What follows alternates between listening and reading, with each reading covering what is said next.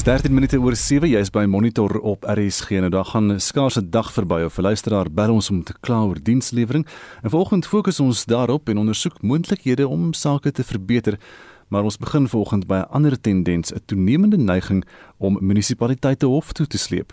Die eerste vrou aan die beurt vanoggend is eh, Etli van der Merwe en sy is die voorsitter van die Mashishing Sakekamer in Mpumalanga. Ons gaan hof toe want ons het na meer as 5 jaar kry ons nie terugvoer van die munisipaliteit om ons probleme soos riool en paaie en krag uit te sorteer nie. Ons was 'n verskeie kere al onder administrasie, maar dit is nie die administrasie waar die regie die provinsiale regering ons beheer nie. Ons is onder die oorsig van Kokta. Kokta is 'n cooperative governance for traditional affairs. Kry jy terugvoering van hulle af? Hulle terugvoer was ons moet met die munisipaliteit praat, maar ons het daai pad nou al baie keer gevolg. En Etli, as jy nou so praat met die munisipaliteit en die burgemeester en so aan, wat sê hulle?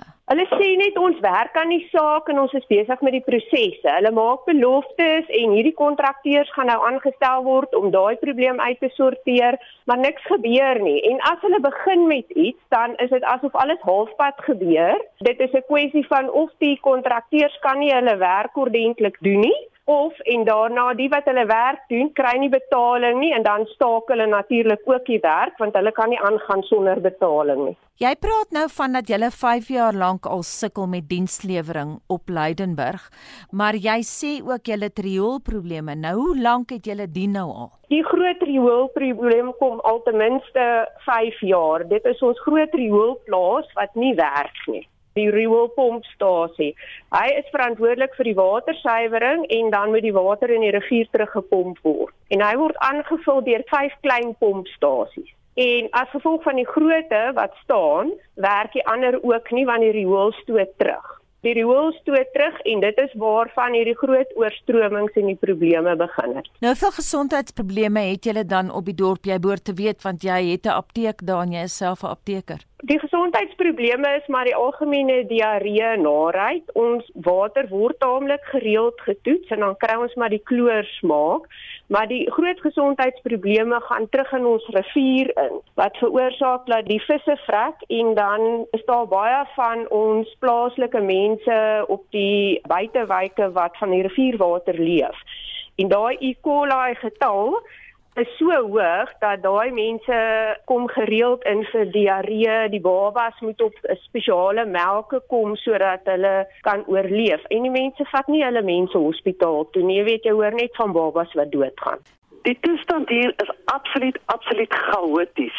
Dit is onwettige kragkabels net waar jy kyk. Dit is plakkerskampe en huise, onwettige taxi-parkering. Dit is uh, dumping van karkaste. Dit is njopies wat oral se goed brand om aan die skrootwerwe te verkoop. Dit is chaoties. Ons lyk soos on, ons lyk soos 'n vergete omgewing in 'n derde rangse land. Beeskarkaste, beeste wat geslag word en dan gekook word, skuins oor kan die pad van ons. En dan kom gooi hulle die karkaste net waar hulle plek kry. Sommige van hulle land in die stormwaterslote wat uiteindelik na die Vaalrivier toe gaan en ons moet daai water drink. Het julle nie dan 'n probleem met rotte nie? Hulle begin al vriendelik raak met ons. Dit dan Isabel Kutse, sakevrou Johannesburg Gauteng. Anita, die inwoners is moedeloos en gegrief. Ons het weer eens deur 'n paar dae gegaan wat ons baie slegte na geen water toevoer gehad het nie. En dit as dit gepaard gaan met beurtkrag, is die dorp letterlik in 'n posisie waar ons sonder water en krag sit onophoudelik. Die drastiese vermindering in waterdruk en krag is baie keer onbepland. Dit kan nie daar rondom beplan nie. En wat ons die meeste grief in hierdie omstandighede is dat ons betaal vir hierdie dienste. Dit is baie duidelik dat ons geen waarde vir ons geld kry nie en ons geen terugvoer op die dienste en die onderhouding van die dienste in ons dorp nie. Natuurlik ook baie belangrik te Nice wil kry besoekers weens die Vaaldam. Mense kom seil daar, so dit is nie net 'n kwessie van die inwoners wat geraak word deur hierdie ongerief nie. Is heeltemal reg. Die insident van watertoevoer en krag het natuurlik oor die naweek gebeur. So ons het ook twee kompetisies gehad verlede naweek en dit het 'n direkte impak op die restaurante waar kos voorsien word, waar die gemeenskap bymekaar kom, waar die seilers bymekaar kom en dit ons het natuurlik ook 'n groot visvanggemeenskap. So ons naweekgangers word ook direk geïnvloed deur die omstandighede. Jy praat nou oor water en kragprobleme op Denysville, maar daar is ander plekke in die Vrystaat soos Bloemfontein waar daar baie gesukkel word met riool. Hoe lyk dit op Denysville? Dan is die riool onder onder beheer Anita, maar ek kan verwys na 'n hele paar insidente waar ons geweldige probleme gehad het met die rioolaanleg waar water nie korrek gefiltreer word nie, die masjinerie werk nie of die pompe werk nie korrek nie, die filtrasieproses is nie korrek nie en die water word direk in die omgewing uitgestort. En natuurlik besef jy wat die impak van dit op die gemeenskap is.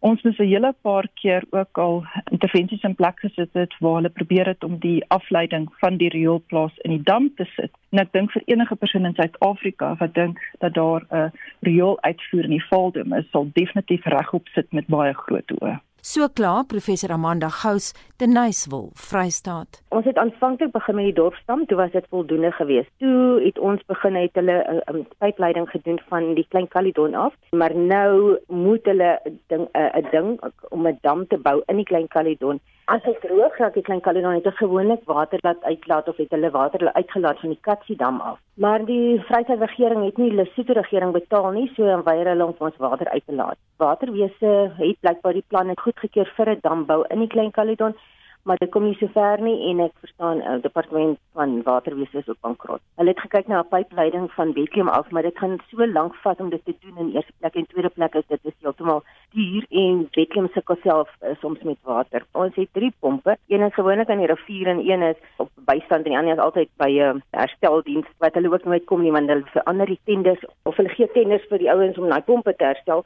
en dan is dit swak dienslewering van daai kant af en ek kry ons nie ons pompe genoeg nie. Wat ek ook net wil sê is ons sukkel vreeslik met trokke oornag in die dorp want hulle wag vir uh hierdie clearance agencies uh, wat hulle moet ingaan Lesotho toe. So ons het 'n probleem met die trokke alhoewel daar borde staan buite die dorp. Trokke mag nie na 10 in die dorp wees of na 6 in die dorp wees nie. Is al die altyd trokke in die dorp en dit trap ons baie ongelooflik nog meer stukkend. Hele Vryheid is vol potholes en in die dorp ook. Die stem van Altie Du Plessis Dreyer, sakevrou vir Riesburg, Vrystaat. Die eerste ding is nie instandhouding nie. Die tweede is wat ons van water kry, is dat hulle sê dat daar word nie genoeg toegevoer van randwater nie. En ons neem dit natuurlik met 'n knippie sout, want ons verstaan dat dit werklik waar instandhouding is wat die grootste probleem is. Wanneer laas is alles in stand gehou in wijk 69 Westdene Hurstel Melville. In my termyn kan ek nie onthou nie en dit is nou al 4 en 'n half jaar gelede, maar volgens wat ek van my kollegas gekry het, seker die laaste 15 jaar of meer wat daar laas instandhouding gedoen. Die inwoners is verskriklik kwaad. Dit is nie net die feit dat water is noodsaaklik vir ons om te lewe nie. Dit is ook dat ons inwoners moet betaal vir water wat hulle nie het nie. Wat ons nou doen en ons het al geskryf na ons MMC Morani. Ons het tot en met die meier probeer praat en vra dat kyk wat is julle besig om te doen? Maar nie is blou sent kom na ons toe vir die opgradering van water reservoirs of even 'n steel nie die electricity depot nie. Nie 'n sent word vir ons gegee nie. Brixton net om vir te noem Brixton Tower is seker 80 jaar oud Anita. Ek kan nie dink dat daar ooit 'n standhouding gedoen gewees het met betrekking tot daai nie. Ons is raad op as raadslede genoeg is genoeg die infrastruktuur is besig om in te krummel en dit is baie baie erger as wat ons inwoners weet. Genevieve, jy sê nou julle gaan meer druk plaas op die munisipaliteit van Johannesburg, maar vir hoe lank plaas julle nou al druk en doen julle genoeg? om genoeg druk te plaas terwyl inwoners sonder water sit. Jy weet Anita, ons het nou al vrae gevra in council in en ons kry gewoonlik een sin antwoorde terug Ons het byvoorbeeld individueel as raadslede het ons geskryf na jou MMC Morani wat verantwoordelik is. Ons het na die meier toe geskryf. Julle laat ons nou geen keuse oor. Ek dink die beste is nou om te protes om seker te maak ons kry hulle antwoord. Maar ongelukkig wanneer iemand nie in beheer is van die geld nie, is dit baie baie moeilik en dit is wat die mense op die oomblik is. Die ANC is in beheer van die geld en as duidelik duidelik as daar sekere van ons areas wat net hoe sê hulle in Engels hulle neglect ons net. Hulle gee net nie om nie. Jy weet waar hoe my pen is byvoorbeeld. Ja. Daai straat is weg hoe hy het ingetuimel. Hy's weg. Dan is daar nog 'n straat in Rodepoort hulle roep hom Niktumi hy's weg hy't ingetuimel. 'n woedende Genevieve Sherman DA raadslid vir wijk 69 Johannesburg Ons het die 20ste Mei het ons hierdie waterwerke aan die munisipaliteit of eintlik aan Magalies Water oorhandig want dit was die die hoofse se voorwaarde gewees dat ons die waterwerke aan 'n diensverskaffer moes oorhandig wat toe Magalies Water was. Ons het dit aan hulle oorhandig en binne 2 dae na die 20ste, so die 22ste 23ste Mei het ons weer sonder water gesit. Dit nadat ons hulle met 25 miljoen liter water gelos het. 10 miljoen liter was in die Rouwaterdam en so 15 miljoen liter was in die reservoirs gewees. So binne 2 dae was daardie water uitgepomp gewees en daar was glad nie meer water gewees. En toe het hulle uh, ons pomp water 26 km ver van die Kosterdam af toe daar van die pype gebars en dit het hulle ongeveer 'n week gevat om daardie pype reg te maak. Ons het van laas Saterdag 20 oor 7 niks water gehad tot uh hierdie Sondag 10 oor 6 die die, die oggend nie. So ja, ons het vir 'n hele week sonder water gesit. Ek sien die water is weer aan vanoggend. Ons gaan vir 'n uur of 2 weer water vandag uh, hê en dan gaan die water afwees. So ons was in die hof gewees die 11de Mei die uitspraak is te was teen ons gewees dat ons die water moet aan die munisipaliteit terugbesorg, maar ons bring ook 'n hersieningsaansoek in die Hooggeregshof op 'n dringende basis binne die volgende paar dae sodat ons die waterwerke weer kan oorneem want uh, die hof het gesê Magalies moet die waterwerke hanteer maar hulle is glad nie nêrens te sien nie dis maar weer die ou munisipale amptenare wat in diens is van die munisipaliteit wat daardie waterwerke oorgeneem het. En dis van die begin af die probleem wat ons gehad het. Dat hulle is nie bevoeg om die waterwerke te hanteer nie so ook die rioolwerke. En daarom bring ons 'n hersieningsaansoek in die Hooggeregshof om hierdie uh, uh, die uitspraak En dit dan die stem uh, van Karel van Heerden, voorsitter van die Koster Besorgde Inwoners in Noordwes en 'n fout het fout het in daai pakkie ingeslyp is natuurlik professor Amanda Breitenberg. Sy is hoof van argitektuur by die Universiteit Johannesburg wat ook op Denys wil bly naweek en sy het met ons daar gepraat en nie professor Amanda Gous nie. En ons bly nou vir die oomblik by die storie en vir 'n professionele blik daarop praat ons vanoggend met Anita Botha. Sy is van die maatskappy Proactive Management Services. Anita, goeiemôre. Goeiemôre. So die landse burgers wend hulle toenemend nou tot die hof basies om dienslewering te kry. Is dit hulle enigste opsie? Wel, om om om as ek so luister nou na die mense wat gepraat het en goeiemôre aan die luisteraars ook. Ehm um, jy weet ons wetgewing is in plek. Ons howe is in plek. Ons hof uitsprake interpreteer die wetgewing wat hier toegepas word nie. So ongelukkig het dit wel 'n baie belangrike komponent van ons oplossing geword. Dis ongelukkig net 'n baie duur oplossing, maar wat die howe nodig het om te doen is om uitsprake te lewer wat presedente skep. Waardeur hulle soos wat dit vir my klink interregeringssamewerking afdwing. Jy weet soos in die Astral uh, geval nou onlangs in Standerton, dit is die mense wat hoenderprodukte vervaardig soos Cantrifair en so voort. Hulle het op 12 April het hulle was hulle suksesvol om 'n hoë regshof uitspraak te kry wat die regering en nasionale tesorie verplig tot uh intervensie in Standerton dis nou Lekwa met 'n finansiële herstelplan en die hof het ook die deur oopgemaak dat Astral kan terugkeer as hierdie finansiële herstelplan nie geïmplementeer word nie. Kom ons kyk 'n bietjie met verwysing na Leidenburg.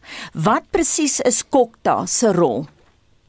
Wel, uh, Anita, as jy as jy net vir my so ehm um, oomblik sal kans gee as ek bietjie verder kan kyk na na dit ook um ek sal dit vir jou uitwys. Um Kopta se rol as ek net as ek vinnig daarby kan uitkom um is basies om samewerkende regering te dryf.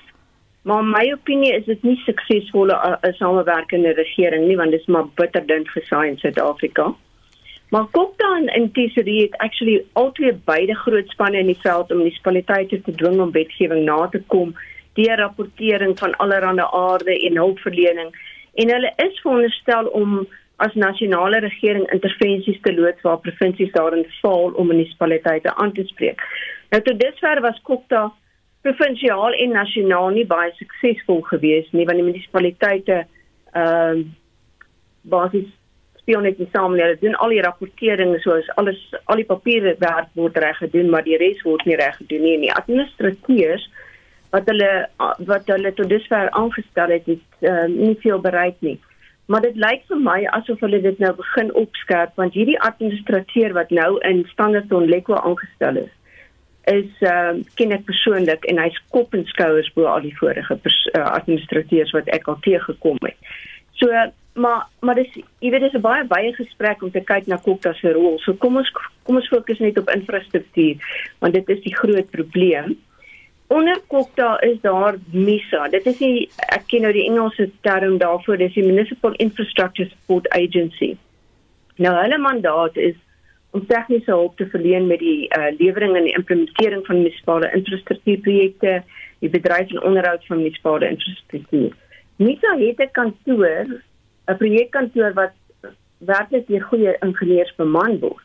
Maar ek dink hulle verdrink in birokrasie, die eise van die krisis wat oral bestaan en die fokus op die oomblik is eers op 27 distriksmunisipaliteite wat in die grootste krisis is.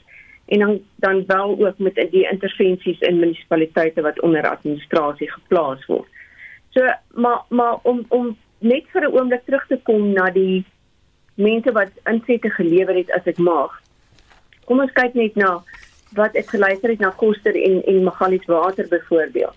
Nou in terme van artikel 63 van die waterdienste wet gee dit die minister die reg om in te meng um, met die relevante provinsiale regering om dan nou waterwerke oor te neem en aan 'n ander waterdienste instelling te gee om die funksie dan nou te verrig. Nou gewoonlik doen die minister dit nou gee dit nou na waterraad soos Magalies, maar soos ons weet is die meeste waterrade ook nie meer effektief nie. So dit gaan vir my baie interessant wees om te sien as hierdie sit uh, as dit nou met 'n uh, met 'n hersieningsaansoek in die hof kom want dit kan dalk 'n nodige presedent skep wat ons het. Die minister van waterwese het ook in terme van sy algemene magte in artikel 73 van die waterdienste wet kan hy ander diensverskaffers kontrakteer, nie net noodwendig waterrade nie.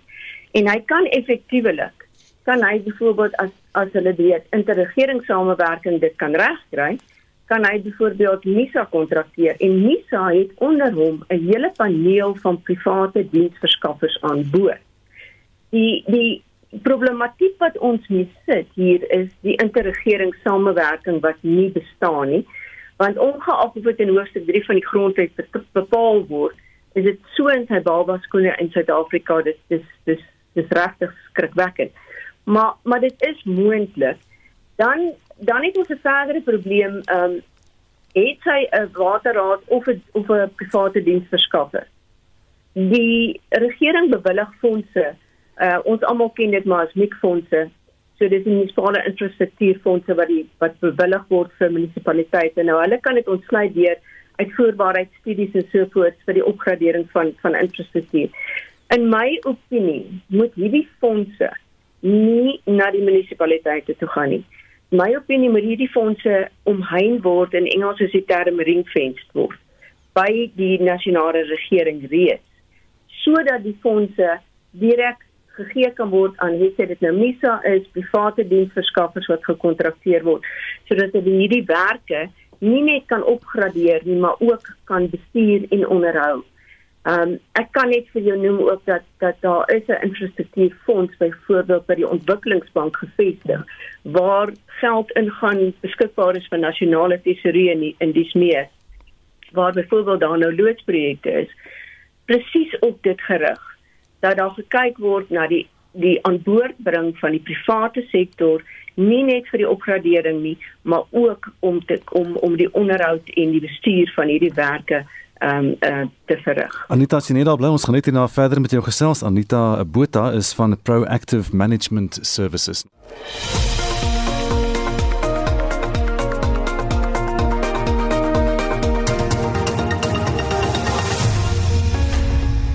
Ons praat verder vanoggend met Anita Botha, sy is van die maatskappy Proactive Management Services en ons gesels oor die kwessies in dienslewering.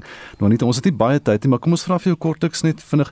Ehm um, dit lyk asof instandhouding aanhoudend die ding is wat by elke dorp, by elke munisipaliteit opkom as as een van die grootste kwessies. Gaan dit alles regkom as die instandhouding net regkom? Nee, ek dink dit sal alles regkom as die instandhouding regkom. Dit is 'n baie 'n langtermyn ehm um, probleem wat ons is 'n sistemiese probleem en die nasionale regering en die provinsiale regering almal moet um, aan boord kom. Maar ja, die instandhouding is 'n kolossale probleem. Daar's 'n kolossale gebrek aan instandhouding in terme van omtrent al ons dienste waarvoor ons betaal. En nasionale tesorie het al verskeie riglyne hier hieroor deurgegee aan munisipaliteite, maar waar die munisipaliteite veronderstel is om kom ons sê tussen 8 en 9% van hulle geld aan onderhoud te spandeer, dis dit nader aan tussen 2 en 3%. En die ongeluk is natuurlik ook dat uh wanneer daar infrastruktuur opgradering uh moet plaasvind, in die meeste van die gevalle word konsultante gebruik om die uitvoerbaarheidstudies te doen, maar dan wanneer die geld deurkom na die munisipaliteite, toe het ons hierdie al ewige korrupsie en die aanstelling van onbevoegde kontrakteurs soos wat ons gehoor het en uh, baie kere gebruik die uh, bereik hierdie geld nie eers die doel waarvoor hy bedoel is nie dit word vir operasionele uitgawes gebruik wat kan raadslede se salarisse byvoorbeeld wees. So instandhouding is is sekerlik een van die simptome wat ons sien, maar leierskap is afwesig. Die institusionele wil of kundigheid om te verstaan dat onderhoud dat dat ehm um, infrastruktuur onderhou moet word. Ehm um, is is is regtig afwesig. En en werklik weet jy die meeste van die tyd gee die munisipale politici of die amptenare net nie om nie. Mm. Kom ons gaan terug na die munisipaliteite toe wat sommer nou hulle eie pad loop. Ons het nou gehoor by professor Amanda Breitenberg wat 'n naweek huis op die Nice wil hê dat die munisipaliteit daar sommer die riool in die Valdam wil stort. Ja, weet jy wat ek ek eintlik glo ek dat 'n mens moet hierdie mense uh strafregtelik vervolg. Ehm um, daar is al gevalle waar die waar die Afriforum byvoorbeeld ehm um, juis in Foleni se munisipale bestuurder daaroor aangevat het. Ek weet nie presies wat van daai saak geword het nie, maar maar ons moet regtig ook burgerregte organisasies ondersteun wat help om hierdie sake na die howe toe te neem en en dis meer. En en ek moet eerlik met jou wees Anita, ek wil graag vir die mense sê, weet jy wat, jy hoef nie hof toe te gaan nie. Jy kan net na jou munisipaliteit toe gaan en éventueel gaan julle wel tot hulle deurdruk. Maar ongelukkig is dit nie waar nie. So daar moet 'n klompie presidente in Suid-Afrika geskep word wat hierdie regerings daar noop om saam te werk en dwing om saam te werk sodat ons beter eh, 'n uh, regering kan kry in die land. As jy gaan kyk na jy weet ehm um, jy kan my dalk nou vra of of ander uh, departemente ehm um, dieselfde is as as as die departement van waterwese en en sanitasie. Mm. Ehm mm. um, daar's 'n hele paar nasionale departemente wat goeie regeringsbeginsels handhaaf soos nasionale nasionale tesorie maar die meerderheid van hulle het funksionering in een of, of baie afdelings. In die mees resente OG verslag meld hy dat die departemente almal 'n slegte rekord het in opsigte van onreëlmatige uitgawes en verantwoordbaarheid uh sodanig sodat die gesamentlike akkumuleer geakkumuleerde uh, onreëlmatige uitgawes wat oor die jare nie geïn is nie of gekondoneer is of afgeskryf is beloop op hierdie stadium 262 miljard. Mm. En dan sê die oogie verder dat twee derde van die departemente en openbare entiteite het nie voldoen aan die voorsieningskanaal wetgewing nie, so hulle het onbillike en nie komporterende prosesse gevolg. En en die ergste van alles is jy weet as jy gaan kyk na twee van die heel belangrikste dienste wat ons het, onderwys en gesondheid. En hulle kry gesamentlik net oor die 30% van die begroting. Ek die oogie bevind dat beide van hulle dringende intervensie benodig om nie heeltemal in duie te stort nie. Jy praat nou so van al hierdie groot geld en wat daar groot geld is dan dan eh, dan water die monde. Tenderbedrog hierdie hierdie hele tenderstelsel en hoe dit werk, die tenderpreneurs en so aan. Dit is nie 'n verbasende tendens nie, maar wat kan 'n mens daaraan doen? Die tenderbedrog is is fenomenaal. Uh, jy weet dit is amper die enigste manier om dit te doen is om vir die mense in en ek en ek het geluister na die DIA raadslid wat se inset Nou vir my ek wil nie politiek praat nie want ek sien nie om vir watter politieke party mense stem nie. Dit dit is nie op my agenda nie. Maar as jy vir 'n oppositieparty stem, dan asseblief gooi julle stemme saam en stem vir dieselfde oppositieparty dat hy werklik 'n vatplek kan kry. Want dit is seker die mees frustrerende ding. Ek het verskeie kere die oppositiepartye al te doen gehad. Vir 'n oppositieparty om in 'n raad te sit en hy wil verandering teweegbring, maar sy stem word nie gehoor nie want hy hanteer nie die beursie nie. En en en dit ek ek wil regtig die mense noop want ons is op pad na 'n uh, uh, plaaslike regeringsverkiesing toe.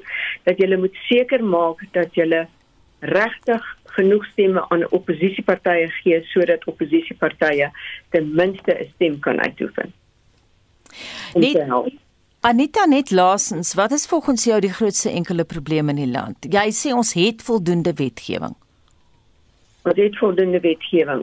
Ons het 'n uh, institusionele wanfunksionering as gevolg van daai van die kader deploy uh, ontplooiing wat gebeur het as gevolg van 'n leierskap wat glad nie uh, bevoeg is nie hierdie mense beplan strategieë hulle praat verskriklik baie hulle kom nooit by die doen uit nie ek het 'n gunsteling gesegde Anita dis nou ongelukkig in Engels culture is strategy for breakfast vir my sê dit regtig alles. Hulle kan strategieë tot hulle blou in die gesig. As die kultuur in ons land nie verander nie, dat mense omgee, dat mense regtig die mandaat nakom waar wie hulle ingestem is, gaan ons nie by goeie oplossings uitkom nie en ook nie gou. Anita baie dankie Anita Botha, is baie insiggewend om met jou te praat en te hoor van die kwessies daarop uh, die aardige woord voedselvlak, maar Anita Botha is dan van die maatskappy Proactive Management Services. Is en geskakel op monitor by RSG dis nou 7:42 en 'n besige sportnaweek lê nou op sy rug en ons praat daaroor met Pieter van der Berg. Goeiemôre Pieter. Goeiemôre Anita. Twee rugbyreekse se groepfases is afgehandel en daarvan is natuurlik die plaaslike reënboog rugbyreeks. Ja, jy's baie reg daar die reënboog rugbyreeks dink nie op die beste manier afgesluit wat ons sou hoop voor nie, want die wedstryd tussen die Stormers en die Lions moes afgelas word weens Covid, maar die Stormers, hulle het 4 punte bygekry en natuurlik van belang was die ehm um, punteleers se twee spanne bo nommer 1 en 2 wat die mekaar gespeel het Saterdag en dit is die Bulls wat die Sharks geklop het met 34-22. Die Bulls het 4-3 teenoor 3 gedruk. Die Bulls sal dan nou komende naweek teen die noordelike reënboogreekse wenners Benetton Treviso in Italië in die eindstryd speel want ja, hulle het bo geëindig dan aan die punt op die punteleer. Dan die laaste groepwedstryde van die Trans-Tasmaanse rugbyreeks is ook die naweek gespeel. Nou al vyf Nieu-Seelandse spanne daar geseëvier. Die Islanders het die Brumbies met 33-12 getroof. Die Reds het pak gekry die Hurricanes as baas met 43-14 die Blues klop die Western Force met 31-21 en dan het die Crusaders die Rebels met 52-26 kafgedraf. In die laaste wedstryd was die Chiefs baas met 40-7 teen Waratahs. Dit beteken dat komende naweek sal die Blues en die Highlanders sal hulle in die eindstryd van daardie reeks speel. Kom ons praat 'n bietjie golf sake. Ja, dit is uh, natuurlik 'n baie interessante toernooi wat daar in Europa plaasgevind het, 'n gemengde toernooi, die Skandinawiese gemengde toernooi, 78 mans, 78 vroue. Nou met die aanbreek van die laaste ronde was daar twee vrouens en twee mans saam voor, maar uit die uiteindelike wenner na die vierde ronde, Jonathan Caldwell op 1700, Adrian Otaigu, hy was uh, tweede op 1600 met Alice Houston wat die derde plek in, inneem, sy was op 1500 geweest. Hy die importeers van Suid-Afrika, hy eindig op 1000 en Lee Ann Pace van Suid-Afrika sy was 25ste op 700. En dan kyk uitstekende golf in Suid-Amerika vanoggend uh, Anita, dis die Palmetto Kampioenskap wat daar in Richland afgehandel is en Suid-Afrikaanse Gary Kingo, hy is net 22 jaar oud. Hy het geseëvier in daardie toernooi op 1100 syfer na 68 in die finale ronde vir 'n totaal van 273 houe. Dis maar Gary se tweede toernooi in die PGA reeks. Daar was 6 spelers op 1000 wat bo van Pelt ingesluit het. Erik van Rooyen was 10de op 800 en Wilco Ninaber 14de op 700. Die Franse Ope tennis toernooi is na langer as 2 weke nou iets van die verlede. Geef ons 'n oorsig van die uitslae daar asseblief Pieter. Ja, uitstekende tennis gesien, baie aksie op Roland Garros en uh, dit is natuurlik die mans enkelspel eindstryd wat gister plaasgevind het. Novak Djokovic, hy die eerste mansspeler in 52 jaar geword om dan al vier Grand Slam titels twee keer te wen. Dit was ook sy 19de Grand Slam titel van sy loopbaan. Die wêreldnommer 1, die eerste twee stelle weliswaar verloor teen Stefanos Tsitsipas, die uiteindelike telling 6-7, 2-6, 6-3, 6-2 en 6-4. So in vyf stelle dan wat Djokovic daar sê vir. In die vroue enkelspel is dit Barbara Kej Krejcikova van uh, Tsjechië wat 25 jaar oud is, sy het die enkelspel asook die dubbelspel titels agter haar naam geskryf. Twee toetswedstryde het vroeg geëindig op die cricketveld en dit klink my die Proteas was kookwater. ja, nie jy is doodreg. Die eerste toets is eh, die Proteas teen die Wes-Indiese Eilande gewees en die Wes-Indiese Eilande vir 97 uit in hulle eerste beurt en Lungi Ngidi het daar 5 paaltjies gekry, Andre nog keer 4 en Suid-Afrika antwoord met 322 waarvan Quentin de Kok 141 nie uit nie bygedra 12 4 7 6 wat hy aangeteken het en in die tweede beurt is die Windies toe uit vir 162 uh Kagiso Rabada hierdie keer vyf paaltjies geneem. En dit beteken Suid-Afrika wen dan daardie eerste toets en dis die eerste van 2 met 'n beurt en 63 lopies. Dan op Edgbaston in Birmingham is dit Nieu-Seeland wat in die tweede toets vir Engeland uitoorlê het. Hulle moes 38 in hulle tweede beurt aanteken. Dis nou Nieu-Seeland nadat hulle vir Engeland vir 122 uitgehaal het in hulle tweede beurt en hulle kry dit reg met twee paaltjies plat. Dit beteken dat Nieu-Seeland seker met 8 paaltjies daarmee wen hulle die toets en ook die reeks teen Engeland. En dan eers komende Vrydag sal die wêreldtoetskampioenskap se eindstryd tussen Nieu-Seeland en Indië gespeel word en daardie wedstryd begin Vrydag in Southampton. Pieter Klip sokker is steeds baie stil, maar op die internasionale front gebeur daar heelwat. Ja, dis 'n uh, FIFA se internasionale venster wat daar gister weer drie wedstryde afhander is. Sudan het pak gekry, Zambië was baas met 1-0, Tanzanië klop van Malawi met 2-0 en dan Mexico en Honduras, hulle het gelyk op gespeel met 0 elk. En dan in gister se FIFA Euro 2020 kampioenskap is dit uh, die Nederlandse span wat vir die Oekraïne klop met 3-2, Oostenryk reken af met Noord-Macedonië 3-1 en Engeland, hulle het vir Kroasie geklop op hulle tuisveld daar in Engeland met 1 doel teenoor 0. En dan Shaun Justus sal vanmiddag in Spectrum sal hy terug wees met meer sport nie Sanita. Baie dankie dit aan Pieter van der Berg van RSG Sport. Dis nou 14 minute voor 8 jy luister na Monitor op RSG en ons kyk nou na wêreldnuus gebeure nou die Amerikaanse president Joe Biden besoek Brussel in België vandag waar hy gaan probeer om die land se verhouding met die Noord-Atlantiese Verdragsorganisasie te herstel. Hy sê die FSA is gereed om weer met NAVO saam te werk. Marlene Forsie sluit nou by ons aan vir meer besonderhede. Môre Marlene.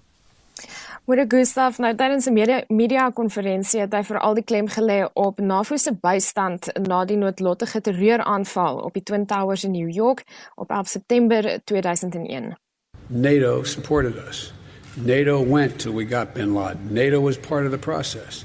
And I want them to know whether they, they doubt it that we believe NATO and Section 5 is a sacred obligation. Nou 'n onderhoud met CBC in Kanada het NAVO se sekretaris-generaal Jens Stoltenberg gesê samewerking is van kardinale belang.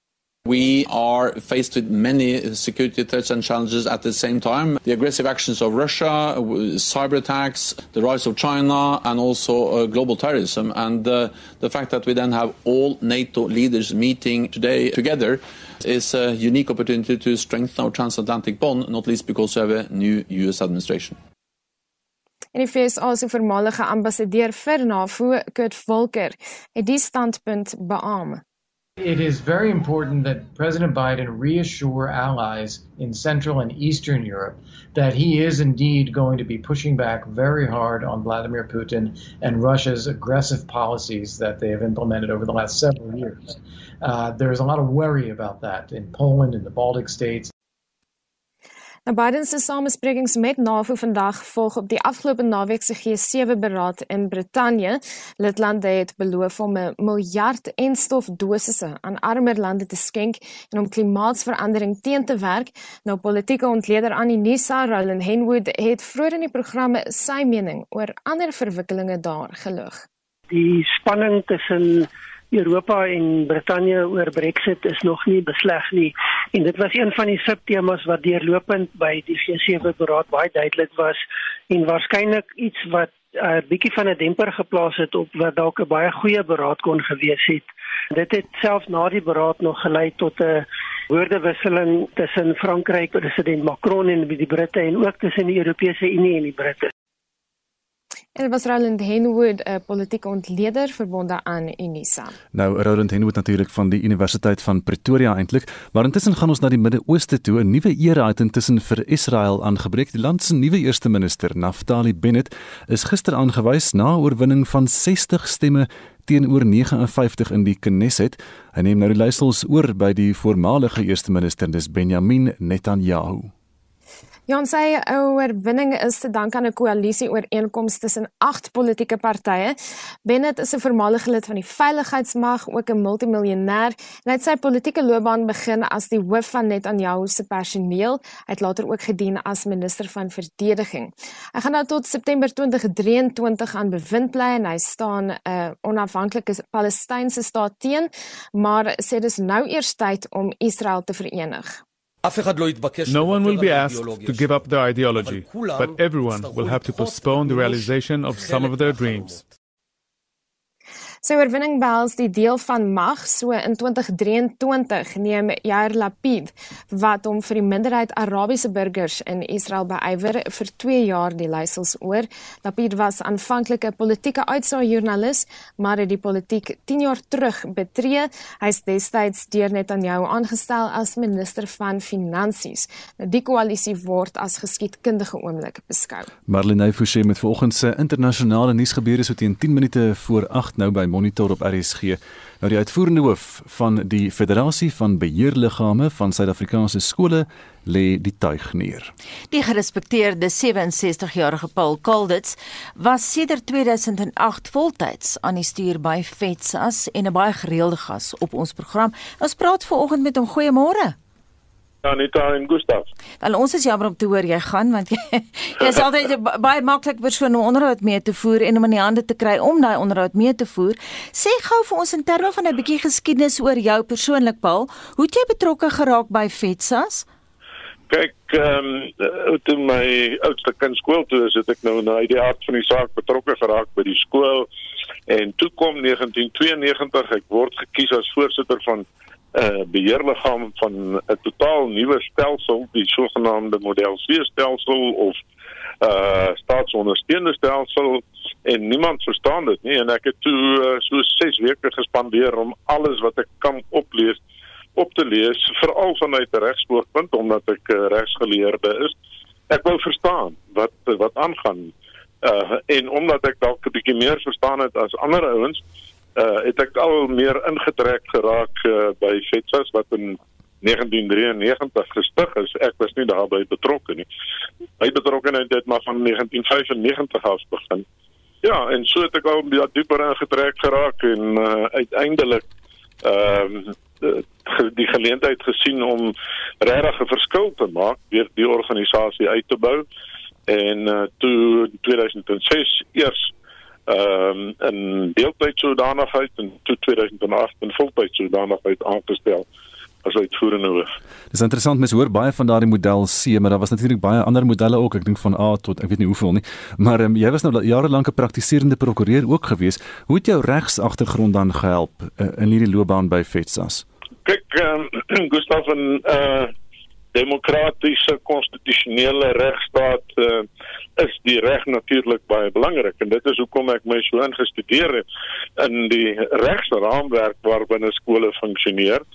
Uh en dit het my 'n voorsprong gegee die feit dat ek uh die regs uh, hoek kon neem en die regsagtergrond gehad het sodat ek kon verstaan waarmee begewe ek waarin begewe ek my hmm. op hierdie stadium. Nou jy het oor die jare ook konflik gesien tussen julle en die onderwysdepartement. Het die situasie bietjie verbeter volgens jou Paul? Ja, nee, dit het verseker verbeter. Aan die begin was daar geweldig baie konflik, soos wat mense sou verwag in 'n nuwe bedeling wat in 1997 tot stand gekom het. Ehm um, baie onsekerheid, amptenare wat nie die regsraamwerk verstaan nie, wat nie verstaan dat hulle dienaars moet wees van die kinders in die klaskamer nie. en die gevolg is ons moes baie keer uh hof toe gaan om situasies op te los waar ons in doodloopstrate beland het. Uh en en met die verloop van tyd Uh en na mate ons al meer en meer hofsaake gewen het, het uh, die amptenare gesien, maar uh, kom ons praat eerder met hierdie ouens uh as om voortdurend te beklei. So het daar uh, regtig 'n goeie verhouding tot stand gekom tussen ons, die minister, die departement van basiese onderwys en selfs al die provinsiale onderwysdepartemente hier en daar natuurlik uitsonderings waar mense nog sukkel, maar uh die die gesprekskanale het oopgegaan. Ek wil juist vir jou nou vra daaroor want jy het nou baie baie hofsaake en baie in die raadsale gesit daar saam met die mense um, van aangesig tot aangesig. Is daar ministers of amptenare wat vir jou uitstaan met wie jy baie goed oor die weg gekom het wat geluister het na wat jy te sê het? Ja, ek moet sê minister Mochega uh, ek kan sê dit 'n baie goeie persoonlike verbintenis opgebou met die jare saam. Uh dan is die uh, die huidige direkteur-generaal van onderwys ek en hy het al koppe gestamp in uh die 90er jare van die vorige eeu en uh, so hy uh, hy luister ook wat wanneer ons praat die minister uh ek en sy het ons het ons uh telefoonnommers oor en weer beskikbaar so sy sou van tyd tot tyd veral uh tydens die grendeltyd en die die pandemie toe die gemoedere hmm. baie hoog geloop het hmm. uh, my my verskakel vir advies. Hmm. Dit moet vir hulle ook baie moeilik wees dat jy loop want dit vat baie jare om daai soort van verhouding waarvan jy nou praat op te bou. my opvolger is Jaco Deken. Uh, Jaco is daar homself ook al 'n hele ruk lank betrokke. Ehm um, so Jaco het al daardie verbintenisse reeds en dan die die personeel, ek het 'n wonderlike personeel uh, wat absoluut toegewyd is en wat self ook baie moeite gedoen het om verhoudinge op te bou veral in die provinsies. So ek het geen vrees daaroor dat uh, my verdwyning van die toneel enige effek sal hê op daardie verhoudinge nie. Hoe belangrik glo jy na al die jare nou is moedertaalonderrig nog steeds veral met die veranderende demografie van die land? Absoluut kardinaal belangrik Gustaf. Uh, die weet die feit van die saak is dat uh, daar tot vandag toe nog steeds studies gedoen word om uh, en en daardie studies bewys hoe belangrik moedertaalonderrig is. Die nuutste waarvan ek bewus is is byvoorbeeld die Maoris in Nieu-Seeland wat uh, toe hulle die geleentheid gebied word om in hulle moedertaalonderrig uh, te ontvang uh, absoluut uh, uitsonderlik pre begin presteer het. Hmm. So vir vir Suid-Afrika en sy mense is dit net so belangrik omdat ons baie groot agterstande het veral in die landelike landelike gebiede waar die inheemse Afrika taalsprekers hulle grootliks bevind. Kom ons kyk na 'n ander knelpunt en dit is infrastruktuur. So baie skole het nie pittoilette of hulle het pittoilette, geen ander tipe toilet nie. Hulle het nie lopende water nie. En ons praat oor die jare, Paul, in hoeveel onderhoude het ons al gefokus hierop, maar dit lyk nie asof die situasie verander nie. Daar's 'n absolute gebrek aan die wil om 'n verskil te maak op uh, in distrikte en en in uh, by kringbestuurders. Uh, ek was absoluut uit die veld geslaan toe ons verlede jaar die departement skielike opname moes doen die nasionale departement met betrekking tot die beskikbaarheid van water omdat jy nou gereeld hande moet was. En toe dit aan die lig gekom en dat daar meer as 3500 skole in die land is wat glad nie water uh, of uh, voldoende water het om dit te kan doen nie. Ehm um, en skielik uh, is dit nou reggestel volgens die DG. Elke skool het nou lopende water. Maar uh, die DG het ook vir ons vroeër in hierdie jaar gesê dat hy nou 'n toer gaan landwyd om te gaan kyk na infrastruktuur in al die provinsies. Die vraag is hoekom is dit nodig? Daar is mos mense wat daardie werk moet doen. Ehm uh, maar ons ons kom nie regtig van die grond af wat uh, die voorsiening van voldoende en toepaslike infrastruktuur aan skole betref nie. Gepraat van infrastruktuur skole self is Gauteng se skole heeltemal te vol. Wanneer gaan dit nie meer kan, kan voller word nie? ja, wel my berekeninge is, dat Gauteng het 'n tekort van 400 skole. Ja. Ehm um, dis ongelooflik. Jy weet, in die skole daar is absoluut oorvol. Meer as dubbel soveel uh kinders per skool as in die res van die land en Weskaap is nou besig as gevolg van die instroming van kinders uit ander provinsies na daardie provinsie toe is Weskaap vinnig besig om Gauteng in te haal met dieselfde probleem. Dis nie 'n probleem wat uh, in my leeftyd of in ons almal se leeftyd opgelos gaan word tensy die staat regtig ehm um, doelbewus gaan sit en werk en die probleem aanspreek nie. Baie dankie en sterkte vir die pad vorentoe dit aan Paul Kaldits wat aftree as die uitvoerende hoof van FETSAS. Dis so 'n minuut voor ons aan die einde kom van vandag se monitor en Marlenae, wat is alles op die dagboek vir Spectrum om 12:00?